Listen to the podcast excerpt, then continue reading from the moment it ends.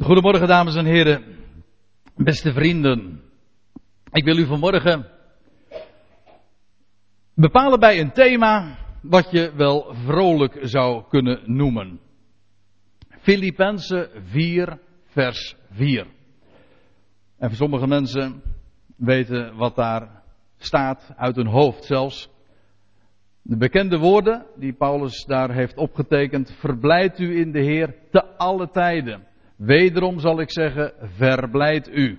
En over dat vers en over dat gedeelte in het bijzonder wil ik wat meer gaan vertellen, want het is toch eigenlijk wel heel erg frappant en bijzonder als je daar wat, wat meer bij stilstaat. En, en het kan zo'n thema op zich, ik had in de aankondiging, ook op mijn website had ik geschreven als thema altijd blij. En als je het zo benoemt, en is direct ontleend aan wat we in dit vers lezen, dan kan dat diverse reacties zo oproepen. En ik kan me zo voorstellen dat sommige mensen, misschien wel de meeste, die dit lezen, zeker op mijn website, die, die daar misschien voor het eerst komen en, en, en lezen altijd blij, dat is zwaar overdreven. Zwaar overdreven, want hoe kan dat? Ik bedoel, blijdschap, dat kennen we allemaal, hopelijk eh, toch bij tijden in ons leven. Maar altijd blij, dat is toch wel een beetje te veel gevraagd. De vraag is trouwens of het gevraagd is hier, maar daar wil ik dus ook eens wat, ja, wat meer de loep op leggen, want is het, wordt het gevraagd of wordt het juist gegeven? Het kan zelfs trouwens ook nog irritatie oproepen. Het kan zijn dat je hier, hier gekomen bent in bepaalde omstandigheden die uh, bepaald niet echt uh, opwekkend zijn voor je humeur en die vrolijk stemmen.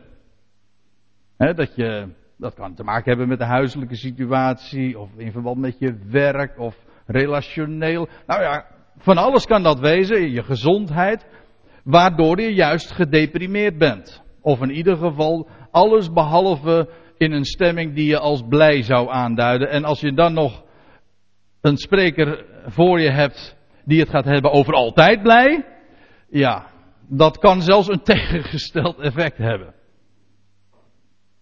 want dan, was je al niet al te blij oh, toen je hier kwam, dat zou zomaar kunnen. En dan krijg je ook nog eens een keertje te horen dat je altijd blij moet zijn. Maar dat deprimeert dus nog meer. Want dan, in wezen is dat het, de, de, werking van, waar we het wel vaker over gehad hebben, over, die, over dat principe van wet. Ja, dat in wezen een averechts effect heeft. Op het moment dat je tegen iemand zegt dat hij blij moet zijn en hij is helemaal niet blij, dan word je daar niet blij van. Dan word je daar in wezen nog meer door in de put getrapt, feitelijk. Waarom? Omdat je eigenlijk nog, meer, nog een grotere last had. Je was al niet blij en nou krijg je ook nog te horen dat je altijd, altijd blij moet wezen. Wat dus al helemaal niet kan, want je kunt niet blij zijn. Dat is al een punt waar ik meteen eigenlijk ook even de aandacht voor wil vragen. Blijdschap is iets wat niet op commando kan worden opgeroepen. Blijdschap is ook niet een ding wat je hebt of wat je vast kan houden. Blijdschap is een is een effect. Vreugde is iets wat je beleeft aan iets anders. Vreugde is niet iets wat op zichzelf bestaat. Je bent blij met iets. Of om iets. Of om een blijde boodschap die je gehoord hebt. Dat als het een blijde boodschap. Ja, wat is nou het woordje evangelie? Ik zeg graag daar heb ik zo mijn redenen voor. Ik zeg, blijde boodschap betekent, en dat is ook inderdaad de letterlijke weergave, is een goed bericht.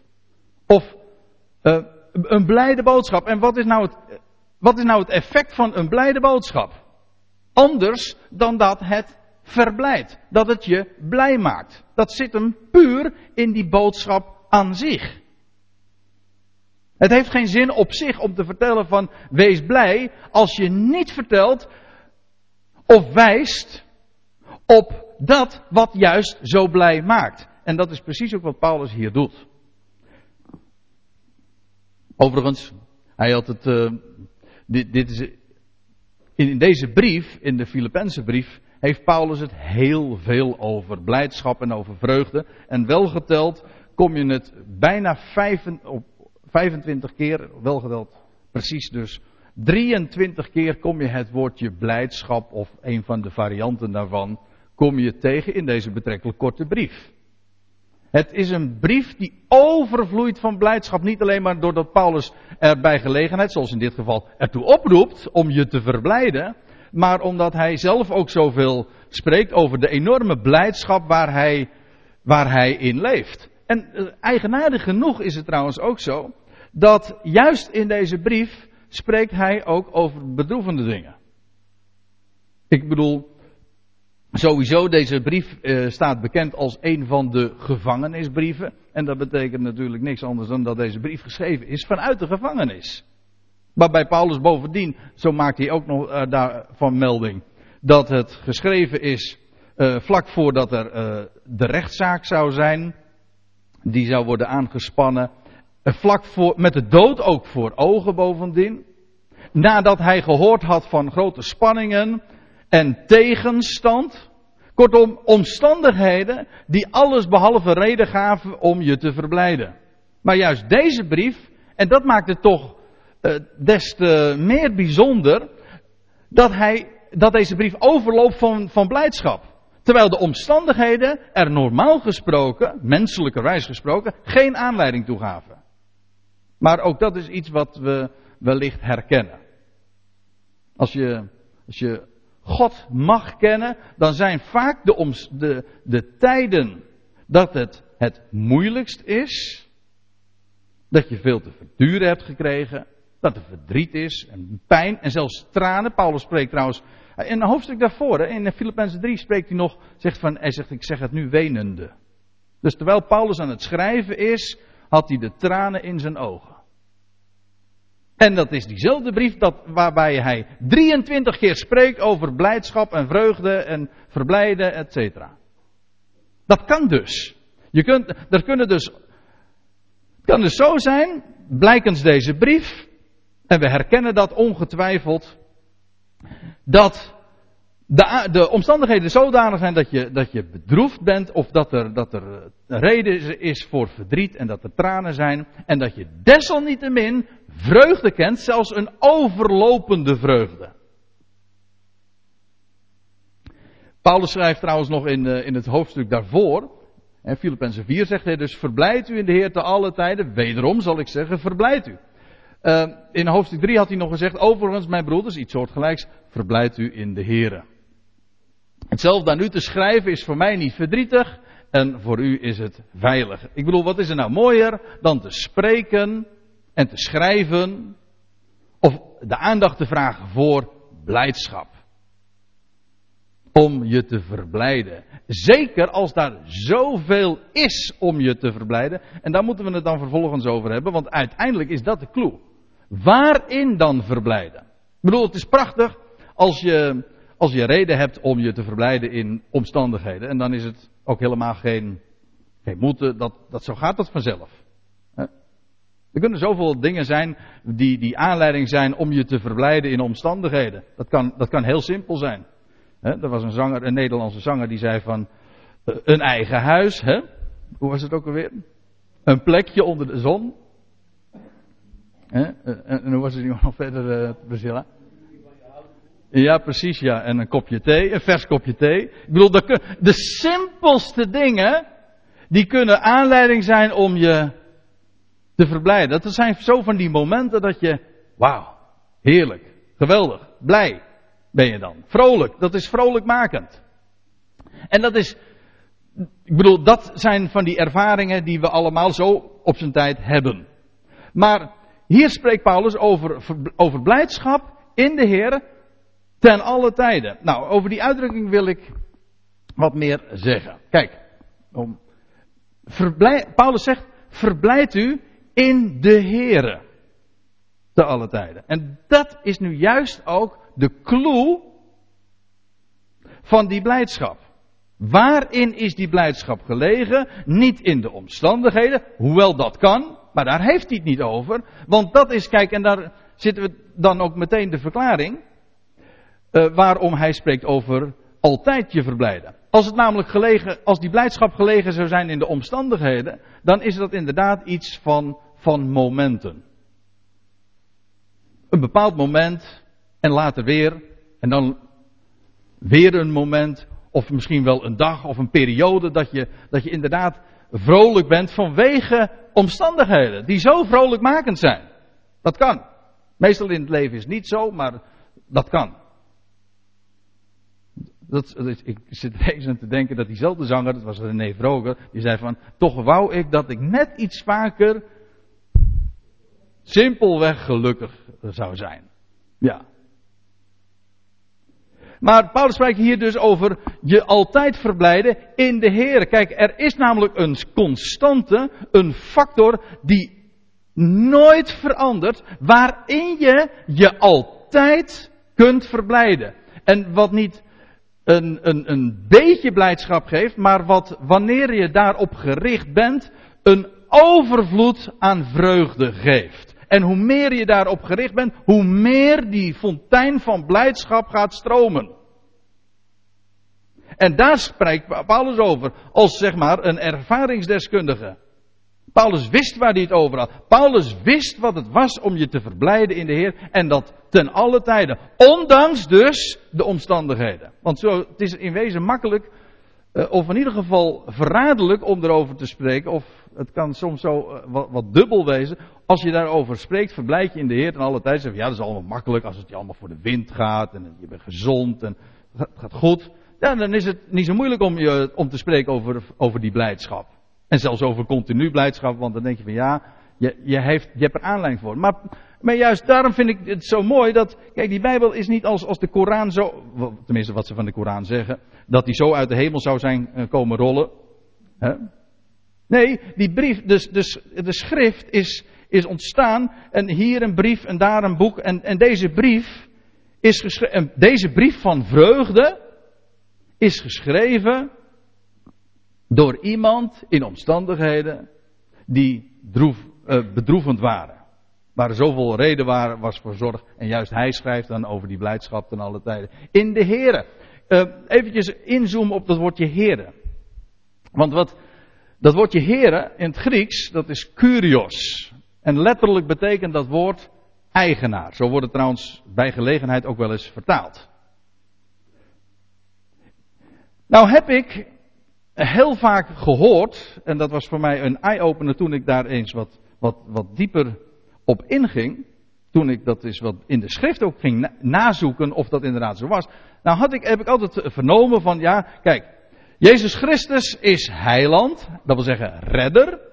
Maar hij is niet alleen redder, het gaat er niet alleen maar om dat we hem erkennen als redder. Hij is ook onze Heer. Misschien herkent u dat wel wat ik nu zeg. Waarbij je aan de ene kant dus de, de gedachte hebt van ja, Jezus Christus is, is je redder, dat is genade. Maar nou heb je ook een verantwoordelijkheid. Hij is ook je Heer. En dat betekent dat je moet hem moet gehoorzamen. Dat betekent dat hij jouw Heer is. Dat is je verantwoordelijkheid. Het is niet alleen maar mooi, het, is ook, het vraagt ook iets van je. En ik heb ontdekt dat dat niet waar is. Het feit dat Jezus Christus Heer is, is namelijk net zo genade als dat Hij redder is. Hij, sterker nog, ik durf te zeggen, Hij is redder juist omdat Hij Heer is. Hij redt omdat Hij de eigenaar is. Om meer dan één reden trouwens. Want Hij is redder, of pardon, Hij is eigenaar, Hij is Heer, Curios omdat hij, ja, nou daar, kan ik zo een paar eh, redenen voor noemen. Vanuit de Bijbel zo. A, hij is onze maker. Gewoon als schepper heeft hij een recht op ons. Hij, wij zijn zijn eigendom. Bovendien lezen we in de Bijbel, en dat is weer een andere lijn. En nou, hoe die samenkomen, daar gaat het nu even vanmorgen niet over. Maar dat is een andere lijn en dat is, hij heeft ons gekocht de prijs is betaald en dat hij alleen al om die reden ook een eigendomsrecht op ons verworven heeft. En sterker nog, ik kom daar straks nog even op terug, op de hele wereld. Hij is, hij is heer van deze wereld en van de, van de, van de, van de mensheid, van allen, ja. Maar, kijk, dat hij heer is, betekent dat hij onze eigenaar is. En dat betekent dus dat wij zijn eigendom zijn. En weet u wat dat betekent? Dat is een belofte.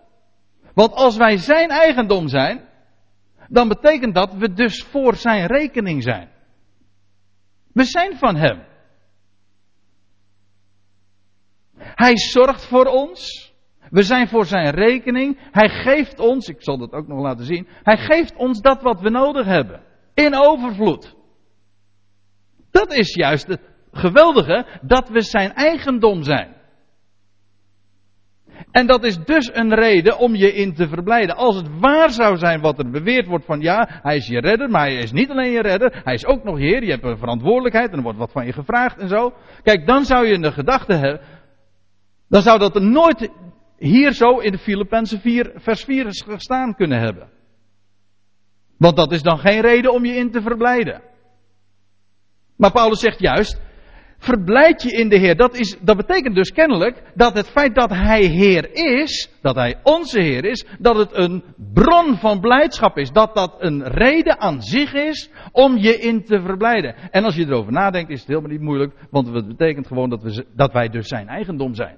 En dat Hij voor ons zorgt en dat we voor zijn rekening zijn en dat Hij alles geeft wat we nodig hebben. Meer dan overvloedig. Ik zal het laten zien. Weet u trouwens dat die uitdrukking die komt. Ik had net over dat, dat woordje blijdschap. Dat komt zo'n kleine 25 keer voor. In alleen deze brief al. Maar dat, die uitdrukking in de Heer. Dat is een uitdrukking die we in het Nieuwe Testament maar liefst bijna 50 keer tegenkomen. En op één uitzondering na, alleen in de brieven van Paulus. Het is dus een typische Paulinische uitdrukking.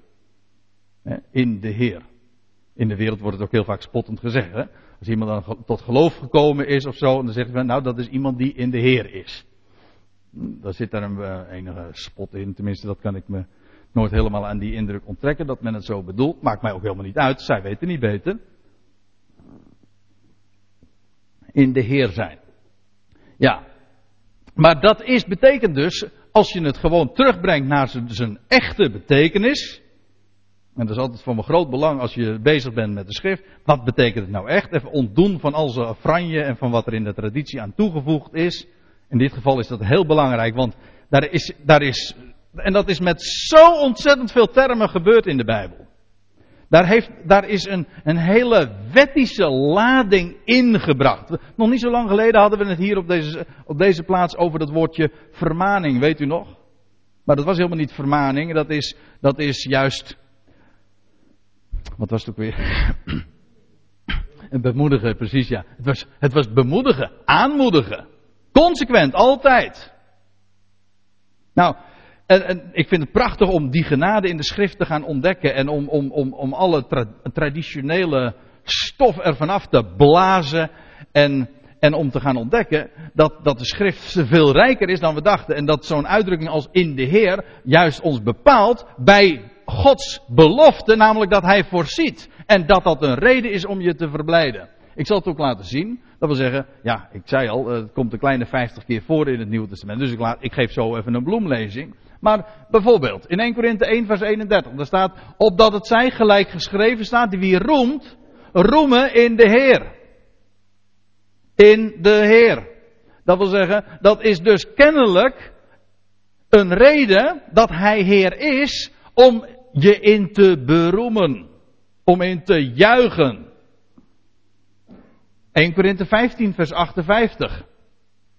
Te alle tijden overvloedig in het werk des Heren. Ik, wijs erop dat er staat in het werk des Heren. Dat dus betekent het werk dat Hij doet. Niet het werk voor de Heer, maar het werk van de Heer. Dat is het werk dat Hij doet. Overvloedig zijn in het werk van de Heer. Wetende dat uw arbeid niet vergeefs is in de Heer. Hoezo in de Heer? Wel, de Heer is degene de eigenaar en dus is hij ook verantwoordelijk. Hij is verantwoordelijk voor zijn eigendom. Zo is het toch? Een eigenaar is verantwoordelijk voor zijn eigendom. Hij zorgt. Hij geeft. Het is voor zijn rekening. En hoe komt het dat onze arbeid niet vergeefs is? Wel omdat we voor zijn rekening zijn. Hij voorziet in dat wat nodig is. 2 Korinthe 2 vers 12. Toen ik nu te Troas was aangekomen, schrijft Paulus, en mij een deur geopend was in de Heer. Ook hier weer, het is de Heer die zorgt en die een deur, als dat nodig is, opent. Hij sluit ze trouwens ook bij gelegenheid, deze. Maar weet je wat er dan altijd, uh, hoe het dan ook gaat? Gisteren had ik nog uh, even met iemand over. Maar als, als God een deur sluit, hoe was het dan? Dan opent hij een venster. Er zit nog hele mooie Hebreeuwse symboliek in ook. Maar uh, het, het, gaat er maar even om dat de Heer het is die, die opent, hij sluit en hij, hij zorgt. Hij, hij is ook degene die ons leven leidt. Hij zorgt voor de wegen, hij zorgt voor de openingen. We zijn helemaal gewoon voor zijn rekening. We zijn niet van onszelf, we zijn van hem. Nou, dat is toch een. Dat is, en dat is een waarheid die gewoon staat. Het heeft helemaal niets te maken met je emotie. Heeft niets te maken met je stemming. Dat heeft niets te maken met wat je doet of wat je nalaat. Het is namelijk gewoon een feit aan zich. En juist omdat het een feit is, is het ook een basis om je altijd in te verheugen. Het is namelijk iets wat niet afhankelijk is van, van je eigen doen en laten. Want dat is, er is niets meer tricky dan dat. Dan je, je vreugde te ontleden aan, aan, aan je bankrekening of aan je gezondheid. Want zo heb je het en zo ben je het weer kwijt. En dat geldt trouwens ook voor je eigen prestaties. Want soms ben je misschien, denk, je een aardige jongen of een aardige meid te zijn. Hè, doordat je uh, je prestaties uh, wel aardig uh, voldoen aan je verwachtingen. Misschien, ik weet het niet hoe het bij u is. Maar weet u, het heeft er niets mee te maken. Hij is jouw Heer. Hij zorgt voor je. Hij vormt je. Je bent in zijn hand. Verblijd je daarin. Dat is toch een reden om je te verblijden. En wanneer? Nou altijd. Je staat s morgens op en zegt, ja, ik ben van hem. U ben, ik ben van u. En u zorgt voor mij. En u leidt mijn leven. En u geeft me alles wat ik nodig heb. Be happy. Ja. Ja, en inderdaad, don't worry, dat zegt Paulus ook nog. Maar daar, daar komen we straks nog even op. In, um, Efeze 5 zegt Paulus, want gij waart vroeger duisternis, maar thans zijt gij licht in de Here. Wandel dan als kinderen van het licht.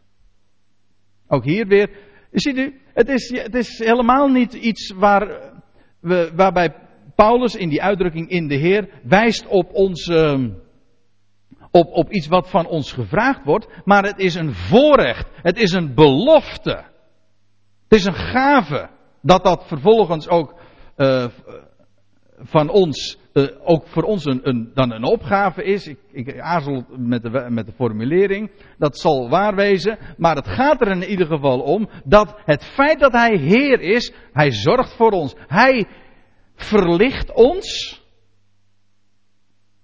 Dat wil zeggen, Hij geeft zijn woord. Hij opent de ogen.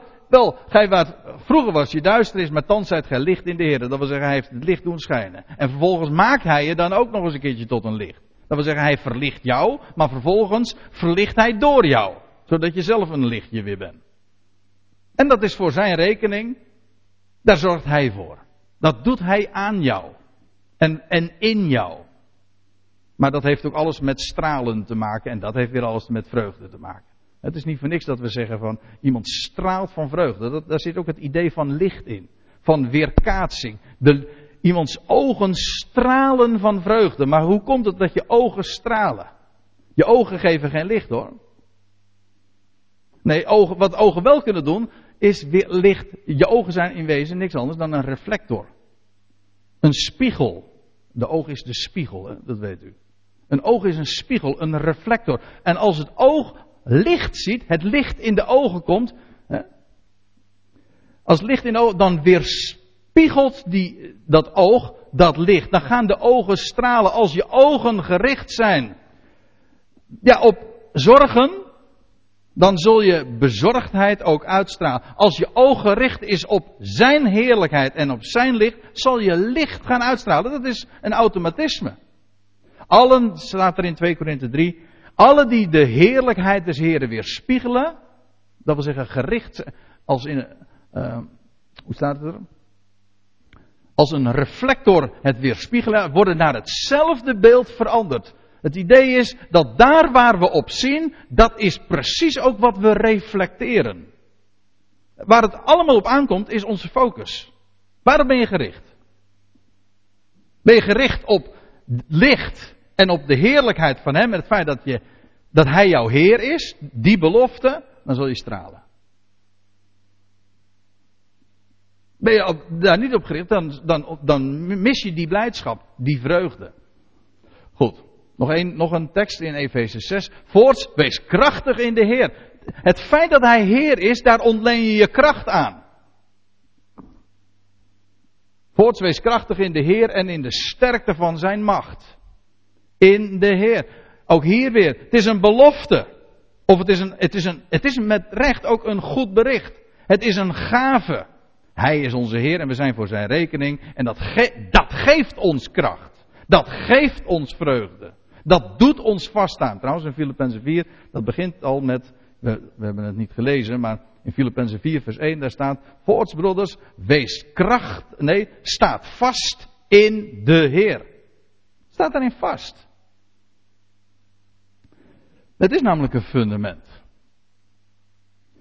Nog even op die uitdrukking, het feit dat hij Heer is. In Romeinen 10, daar staat immers het schriftwoord zegt dat al wie op hem zijn geloof bouwt, um, al wie op hem zijn geloof bouwt, zal niet beschaamd uitkomen. Want er is geen onderscheid tussen Jood en Griek, als het hier om gaat. als het gaat om het. Er is natuurlijk verschil tussen Jood en Griek. De Romeinenbrief gaat daar ook over. Over het plan dat God heeft met, met, met Joodse volk en met het volk van Israël. Maar als het hier om gaat, is er een universele waarheid.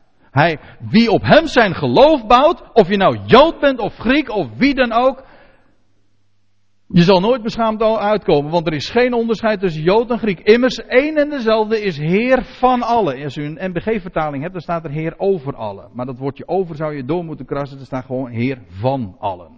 Tweede naamval. Heer van allen. Hij is Heer van allen. Je bent, elk mens is zijn eigendom. Dat weten een heleboel mensen niet.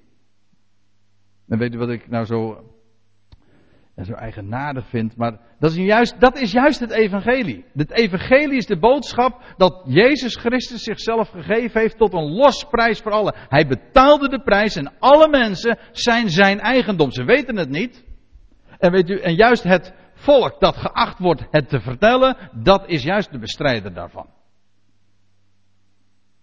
Dan zeggen ze van ja, maar Jezus Christus, eh, dan bijvoorbeeld in evangelisatieboodschappen. Ja, moet je nagaan. Dan wordt het evangelie gebracht en dan worden er evangelisatiebijeenkomsten gehouden. En weet u wat dan de vraag is? De grote vraag is van is Jezus Christus al jouw Heer? Dus dan wordt er een vraagteken gezet achter dat wat nu juist de uitroepteken zou moeten zijn. Namelijk, Jezus Christus is jouw Heer. Of je het nou weet, of het gelooft, of het nou wil, of het leuk vindt, dat maakt helemaal geen verschil. Hij is jouw Heer. Je bent van Hem. Dat is juist de blijde boodschap. Hij is Heer van allen. En dan staat erbij, rijk voor allen die Hem aanroepen. Want ik, het is natuurlijk duidelijk dat al is hij de Heer van allen, de rijkdom ervan wordt slechts ervaren door degenen die het ook erkennen. Dat is logisch. Als je het niet geloven wil, ja, dan zul je je daar ook niet in verblijden. Hm? Daarom is het zo belangrijk om het te weten, om het te erkennen en dan vervolgens ook eh, de rijkdom daarvan te efficiënt te maken, als ik het zo mag zeggen. Want ik denk wel eens een keer, we leven zo vaak. Kijk, Kijk gewoon naar jezelf. Ja, dat moet je niet te lang doen, maar kijk nou eens even. Stel je gewoon voor jezelf nou de vraag. Hoeveel we leven onder de maat? Als het waar is wat, waar we het nu zo even over hebben, over dat evangelie, dat Hij Heer is van allen, van de hele wereld. Hij is de Heer en de Redder van de wereld. En Hij is mijn Heer, Hij zorgt voor mij. Hij geeft me alles wat ik nodig heb. Maar waarom waarom zit ik dan nog zo vaak te somberen? Waarom, waarom, waarom doe je dan zo vaak nog. Um, nou ja, dat hebben we het straks nog over. Waarom mopperen we dan zo vaak? Waarom doen we, ook, ik bedoel het ook gewoon letterlijk zo, waarom doen we dat onszelf aan? Dan heb ik het nog niet eens over wat je hem aandoet, want hij geeft je die rijkdom. Het is eigenlijk ondankbaar. Hij geeft je die rijkdom, hij geeft je die rijkdom en dan ga je nog zo armetierig zitten doen. Ja, dat is zo. En als Paulus dan zegt van ja, verblijd je ten alle tijden. Ja, dat was Paulus. En, en, en dan, wordt dat, dan wordt dat weggewoven. Ik ga liever een beetje somber hoor. Zo mooi kan dat allemaal niet zijn. Dat je je altijd zou kunnen verblijden in hem. Nee, dat is overdreven. Het is wel Gods woord. Geloven we dat, nou- geloven we dat dan niet of zo? dat is gek. Hoe we daar toch altijd weer uh, afbreuk aan willen doen. Goed, ik lees even verder in Filippenzen 4. Want wat, wat Paulus daar in dat vers 4 zegt, hè, verblijft u ten alle tijden in de Heer. Nog eens zeg ik u, verblijft u. Uh, wat hij vervolgens daarop, op, daarop schrijft, dat ligt allemaal in diezelfde lijn. Het is eigenlijk een uitleg of een nadere toelichting op, op die oproep. Om je te verblijden in het feit dat hij je Heer is. Hij zegt dan, uw vriendelijkheid zij alle mensen bekend. De Heer is nabij. Nou, deze weergave is niet helemaal correct. Als u het mij vraagt, het woordje vriendelijkheid is niet de, het woord wat Paulus hier gebruikt. Bijvoorbeeld in Gelaten 5, daar, zegt, daar schrijft Paulus over de vrucht van de geest. En de vrucht van de geest is liefde, blijdschap, vrede, langmoedigheid. En dan zegt hij ook vriendelijkheid. Maar dat is een ander woord als wat hier staat. Hier is een ander woord. En als u een voorhoevenvertaling bijvoorbeeld hebt, een Telos-vertaling, dan ziet u het correct weergegeven. Daar staat uw inschikkelijkheid, zij alle mensen bekend. De Heere is nabij. Dat wil zeggen, inschikkelijkheid is wat anders dan vriendelijkheid. Ik zeg niet dat die, eigen, die, die beide eigenschappen uh, mijlenver van elkaar afstaan, maar het is wat anders. Vriendelijkheid is een eigenschap die je naar anderen toe openbaart, of je bent vriendelijk voor anderen, maar inschikkelijk heeft, heeft te maken met een houding ten opzichte van de omstandigheden. Dat je je schikt in de dingen die zo op je pad komen. Dat kan ook, en daarom wil ik dat ook uh, laten zien deze morgen. Dat kan ook als het waar is dat Hij onze Heer is. Als Hij onze Heer is, dan zorgt Hij voor ons. En dan geeft Hij wat we nodig hebben. En dus, als dat de waarheid is, schikken we ons in, ook al begrijpen we dan de weg niet die Hij gaat, maar als het waar is dat Hij voor ons zorgt en alles geeft wat we nodig hebben, dan schikken we ons dus op wat op ons pad komt. Dat is niet zo moeilijk, want Hij zorgt voor je. Want je, je bent toch niet van jezelf? Want de, Heer is nabij. Dat wil zeggen, hij, is, hij staat niet ver af. Nee, hij zorgt voor je. Hij is dichtbij. Hij geeft je. Hij, hij, hij is, zijn oog is op je. En hij weet precies wat je nodig hebt. Paulus zegt, en, dat is een hoofdstuk eerder, nee, twee hoofdstukken eerder, in Filippenzen 2. En dan zegt hij, doet alles zonder morren. Andere vertalingen zeggen, doe alles zonder mopperen. Nog een andere vertaling, dat is een beetje oude. Doet anders zonder murmureren. Dat gebruiken we echt niet meer. Maar de Statenvertaling komt dat woord nog eens een keer voor. Murmureren. Van Israël in de, in de woestijn lees je niet anders dan dat ze murmureerden.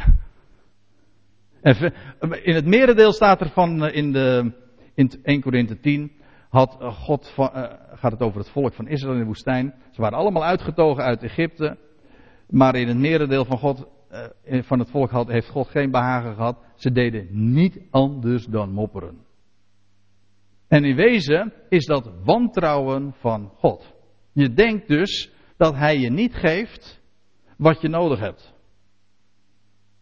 En dan lees je bijvoorbeeld weer, dan, uh, dan, heeft, het, heeft het volk, krijgt honger en dan gaan ze klagen zo, iedere keer, dat is toch in wezen 40 jaar het verhaal. Ze konden niet ingaan, staat er, er, weer elders. Ze konden niet ingaan vanwege hun ongeloof. Mopperen is in wezen het gevolg van ongeloof. Kijk, als je gelooft, dat wil zeggen vertrouwt in God, dat Hij de dingen plaatst en dat jij je geeft wat je nodig hebt.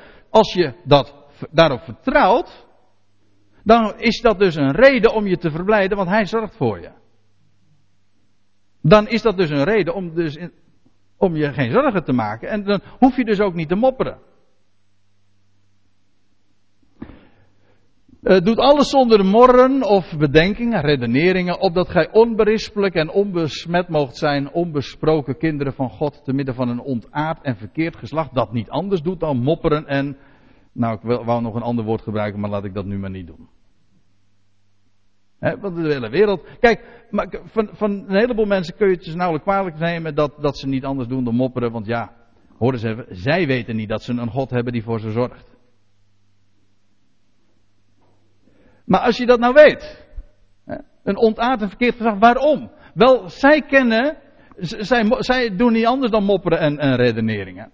Maar wij, er staat er nog achter, hè, uh, een ontaard verkeerd geslacht, waaronder gij schijnt, heeft te maken met stralen, heeft te maken weer met blijdschap trouwens, met vreugde, het licht in de ogen. Waaronder gij schijnt of straalt als lichtende sterren in de wereld. Hoezo lichtende sterren? Gewoon, hoe komt het nou, wat is nou die uitstraling? Nou, dat is niks anders dan vreugde. Je bent blij. Ja, of of het betekent niks, of het betekent dit. Stralen als lichtende sterren heeft te maken met het feit dat je een blijde boodschap hebt. En, dat je, en die blijde boodschap heeft niet alleen maar te maken met de eindbestemming van deze wereld, dat God zegt dat je weet van alles komt goed. En ik had er gisteravond nog een heel gesprek over met, met, met vrienden, met kennissen. Ja, er kwam dat uitgebreid ter sprake. Het waren zelf uh, orthodox-reformatorische mensen. En, en toen hebben we daar uh, uitgebreid nog over gehad. Dat God de, de redder is van deze wereld. En dat is, dat is helemaal. als je er dan, zo over spreekt, dan denk je. Dan kom je er achter en dan word je er weer opnieuw bij bepaald hoe enorm rijk, rijk dat is. Hè? Maar dan heeft het, dat is niet alleen maar een, een punt van dat te maken heeft met de eindbestemming, maar dat hij je Heer is, wil ook, heeft te maken met de praktijk dat hij nu, vandaag, niet straks en morgen of overmorgen, dat hij nu voor je zorgt.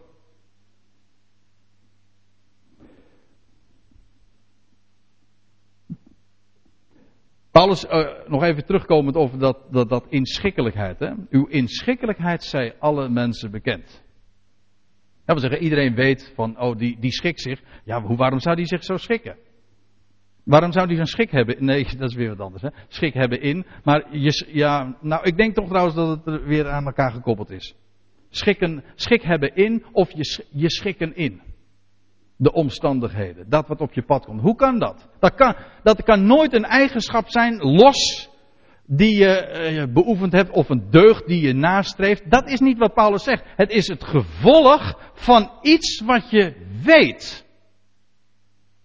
Dat vind ik zo belangrijk om dat te benadrukken. Het is niet een deugd die je op zichzelf beoefent, waarvoor je probeert en je best doet. Dat is juist niet wat Paulus bedoelt. Het is juist het gevolg van een wetenschap. Hij is jouw Heer, Hij zorgt voor je. En dus hoef je je geen zorgen te maken. En dus schik je gewoon in dat wat op je pad komt. Dat is inschikkelijkheid. Paulus zegt in Filippenzen 4, hetzelfde hoofdstuk als waar we het nu dus eigenlijk deze hele morgen over hebben. Hij zegt, ik heb geleerd met de omstandigheden waarin ik verkeer genoegen te nemen. Ik weet wat armoede is. Ik weet wat overvloed is. In elk opzicht, in alle dingen ben ik ingewijd. Zowel in verzadigd worden als in honger lijden. Zowel in overvloed als in gebrek. Hij zegt, ik vermag, letterlijk staat er, ik ben sterk. In alle dingen ben ik sterk in Hem die mij kracht geeft. Het is een tekst die heel vaak natuurlijk uh, geciteerd wordt. We zingen het ook. Hè? Ik vermag alle dingen in Hem die mij kracht geeft. Maar weet je werkelijk wat je dan zegt?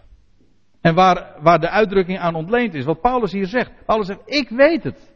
Ik weet wat overvloed, ik weet ook wat armoede is. Sommige mensen zeggen dat kan helemaal niet, want hè, die prediken een prosperity gospel. Een voorspoed even dat het altijd maar voor de wind en dat je altijd maar een volle portemonnee hebt. En dat je altijd een, dikke auto voor de deur hebt staan. En dat soort, uh, dat soort boodschappen, die gaan er natuurlijk in als koek, dat begrijpt u. Maar dus, Paulus uh, slaat wel even een heel andere toon aan. Wat Paulus wel in gelooft, is in een rijkdom en die altijd beleefd kan worden, namelijk in blijdschap. Dat is trouwens echt de rijkdom. Want wat heb je aan een volle portemonnee als je niet tevreden bent?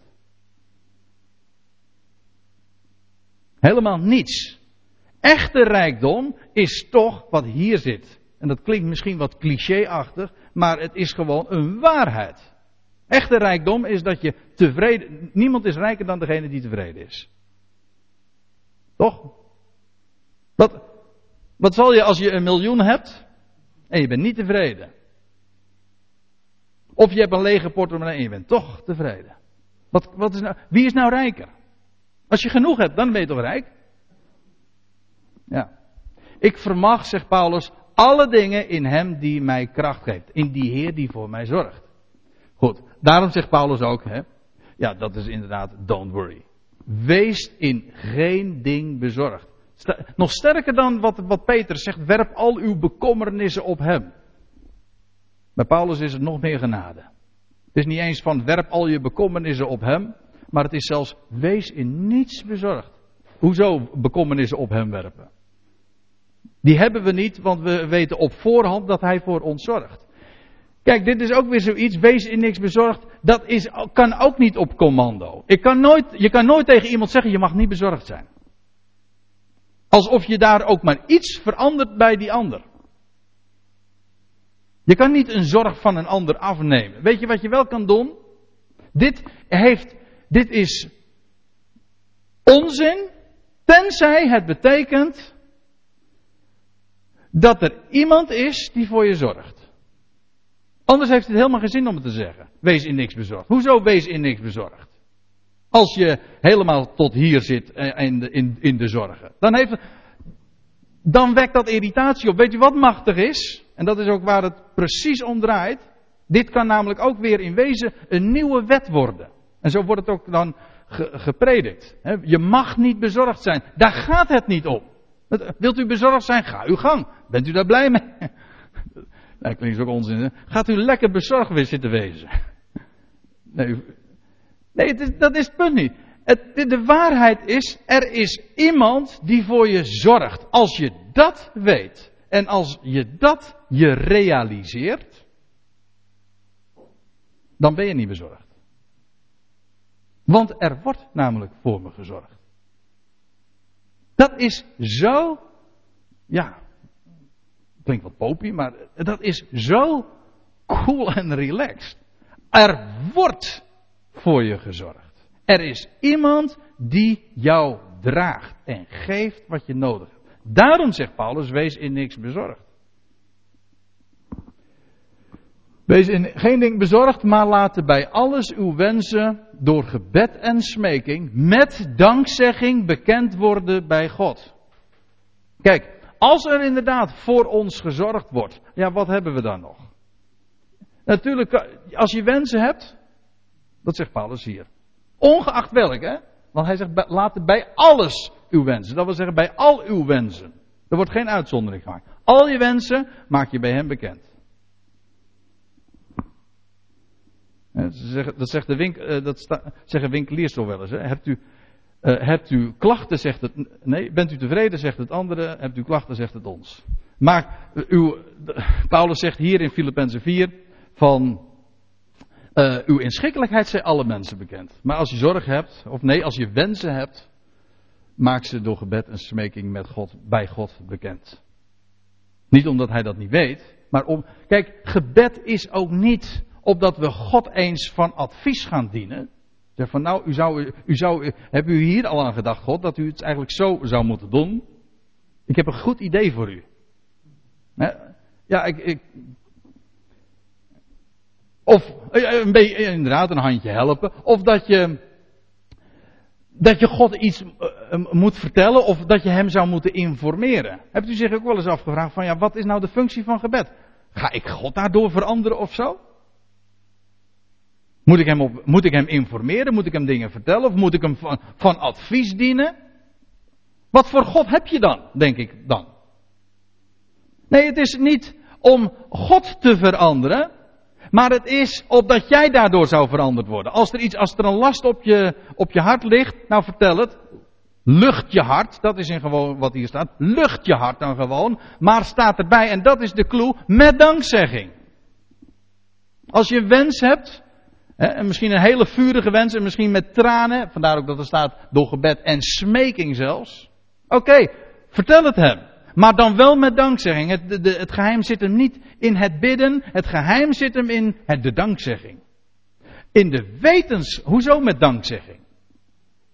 Eh, dat, zo gaat het toch ook in het menselijk verkeer. Je, je vraagt aan iemand en dan zeg je bij voorbaat hartelijk dank. Nou, dat, dat is in wezen hier ook het punt. Want je maakt iets bij God bekend. Je maakt je wensen bij God bekend. En, en je zegt bijvoorbeeld hartelijk dank. Want ook, al God, want ook al geeft God niet dat wat je vraagt. Hij verhoort je toch, want hij geeft je altijd meer. Dat was een uitspraak en die vind ik wel heel erg mooi. Van Luther. Als wij. Eh, dat ging over de vraag of God altijd ons gebed verhoort. En toen zei Luther, en dat vind ik een hele mooie. Als wij om zilver vragen, dan geeft God goud. En ik denk dat wij heel vaak om zilver of om ijzer of om koper vragen. Maar God geeft goud. Zijn weg, dat is toch zo? Zijn weg is de beste, de beste altijd. Dus hoezo zouden wij God iets moeten voorschrijven? Kijk, en dan is het zo, als dit de waarheid is, dan is het niet zo dat wij bidden om God te veranderen. Gebed verandert ons. Want we luchten A ons hart en B danken we hem voor het feit dat hij ons geeft wat we hem vragen. Of hij geeft in ieder geval nog veel meer. Dus het een of het ander. En, als en dat is voor de rest trouwens ook niet aan ons, hoe hij ons leven leidt. Hij geeft niet onze wensen trouwens. Hoe stond het er ook alweer? Ja, dat is in Filippenzen 4. Dat is ook Filippenzen 4. In dit hoofdstuk, daar staat zoveel als het gaat om dit soort hele praktische dingen. Als u het mij vraagt, dit zijn nou de echte dingen in het leven, gewoon in het leven van alle dag waar het werkelijk om draait. Ik denk wel eens een keertje om bij vreugde. Kijk, de, de basis van het evangelie is inderdaad dat het blij maakt. En vreugde is alles waar het om draait. Trouwens, dat, u, weet, u weet toch ook dat dat in, in, je, in alle opzichten zo werkt. Als er vreugde is, als daar, wat zal ik het Hebreeuws zeggen? Als er gein is, als daar humor is, ook vrolijkheid, zo bedoel ik het ook gewoon. Dan loopt alles gesmeerd, hè? Dat geldt ook in, in je gezin. Als, als daar vreugde is, dan gaat, dan gaat, maar dat geldt ook voor, voor je werk, dan gaat alles. Vanzelf. Als er vreugde is, maar dat geldt ook voor het leven in geloof. Zoveel mensen die gaan gebukt en dan, wordt, dan, dan, dan werkt niks meer. Als er geen vreugde is, ja, dan gaat alles fout. Maar als er vreugde is, en nou, ik hoop dat ik in ieder geval duidelijk gemaakt heb waar dat aan te ontlenen is, waar, waar dat in gevonden wordt. Wel, laat ik nog eventjes eh, op dit vers wat uh, ingaan. Het ging om, om het punt dat Paulus dus schreef, um, alles uh, door gebed en smeking met dankzegging bekendmaken bij God. Nou, en in dat verband zegt hij, dat is het einde van Filippenzen 4, zo eindigt hij de brief. Mijn God zal in al uw behoeften, niet in al uw wensen, maar in al uw behoeften, dat wil zeggen in dat wat je nodig hebt. Let trouwens ook op dat woordje al. In alles wat je nodig hebt. Voorzien. Mijn God zal in al uw behoeften naar zijn rijkdom. In de, NBG-vertaling staat rijkdom, maar dat is fout. Er staat rijkdommen, meervoud. God heeft zoveel meer rijkdommen. In, in alle soorten en maten. Zal naar, in al uw behoeften naar zijn rijkdom heerlijk voorzien. Kijk, dat is een belofte die we hebben. Hij is onze Heer. Nou, is dit nou een. Als dit waar is. Kijk, als het niet waar is, dan, dan zeg van, pakken we in en dan gaan we gewoon weg. En dan, eh, dan leef je gewoon je leven en dan ga je gewoon. Uh, laten, we, laten we eten en drinken, vrolijk zijn, dat is er dan niet meer bij. Maar goed, want morgen gaan we dan toch dood. Maar als dit de waarheid, als we werkelijk een God hebben, een Heer hebben die voor ons zorgt, als dit de waarheid is, wel, is het, hebben we dan reden om je ten alle tijden te verblijden in de Heer, ja of nee? En dan vind ik het zo schitterend dat hij zegt, let daarop nog even op dat, dat voorzetteltje, naar zijn rijkdom. Rijkdommen. Er staat niet uit zijn rijkdom, maar naar zijn rijkdom. Weet je wat het verschil is? Kijk, als, uh, als Bill Gates een tientje of 10 euro weggeeft, dan geeft hij uit zijn rijkdom. Maar hij geeft niet naar zijn rijkdom. Nee, dat is een heel groot. Als die na zijn. Oh, je zal van Bill Gates maar iets krijgen na zijn rijkdom. Nou, dan zit je warm. Piers erbij hoor. Dat is een heel groot verschil. En dat is wat hier staat. God, er staat, mijn God, zegt Paulus, die zal in al uw behoeften naar zijn rijkdommen heerlijk voorzien. Dat is de belofte. En Paulus zit in de gevangenis en hij verblijdt zich daarover. En staat er dan nog achterin, want ik moet uh, afsluiten, daar staat in vers 7. En de vrede van God, de, de, de vrede Gods betekent de vrede van God. Dat is niet, niet de vrede met God. De vrede met God is dat je vrede, ja, vrede met God hebt, dat je God in de ogen kan zien. Dat daar vrede is tussen jou en Hem. Dat is de vrede met God. Maar de vrede van God is de vrede die God zelf heeft. God zelf heeft vrede. Kijk, de omstandigheden waardoor wij heen en weer bewogen worden, en waar God trouwens ook, God is niet onbewogen, integendeel, hij leidt mee, maar niettemin, God heeft vrede. God weet, zijn troon wordt niet aan het wankelen gebracht door onze zorgjes, door onze moeite. Nee, hij gaat zijn weg. En zijn weg is de beste. En God zelf heeft vrede. Die troon van hem, als ik het zo mag zeggen, die staat solide. Wel, die vrede die God zelf heeft. Dus boven de omstandigheden, zeg maar verheven. De vrede die hij heeft. Die alle verstand te boven gaat, waar je dus helemaal niets van begrijpt. Wat je ook niet kan, kan beredeneren. Hoe God vrede kan hebben. Dat, wij begrijpen namelijk God helemaal niet. Moet je ook niet willen. Daar is hij namelijk God voor. Maar de vrede van God, die alle verstand te boven gaat, zal uw harten en uw gedachten behoeden in Christus Jezus. Dus Paulus zegt van, maak al je wensen nou, met dankzegging bekend bij God, in de wetenschap dat Hij voor je zorgt. En dat je voor zijn rekening bent, wel zegt hij, en dan zal die vrede die God zelf heeft, waar je niets van begrijpt, zal jouw hart, dat wil zeggen je hart en je gedachten behoeden. En ik heb een, een kasteel, uh, heb ik als plaatje erbij gezet. Waarom? Wel, dat komt in ons woordje behoeden niet echt uit de verf, maar er staat in, in het Grieks een uitdrukking dat betekent behoeden als in een vesting. Als in een kasteel, waar je veilig bent en geborgen. Je gedachten, je hart, gewoon je hele inwendige, want waar het werkelijk om draait, wie jij bent, jouw identiteit, dat je alles waar je mee bezig bent, zal worden behoed, bewaard als in een vesting, door de vrede van God. Wanneer? Wel wanneer je je verblijdt in de Heer, die voor wiens rekening jij bent. En ik sluit af met wat we lezen in 1 Thessalonica 5. Dat is een, uh, een vers. Dat, ja, dat lijkt er als twee druppels water op. Dat is het slot van de, eerste Thessalonicense brief. Ik zeg er verder niks over. Verblijd u ten alle tijden. Bid zonder ophouden.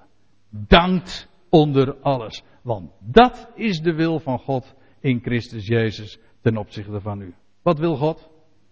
Wat wil God nou? Dat ons ten alle tijden zouden verblijden in wie Hij is en in wat Hij geeft. En daar wilde ik het bij laten.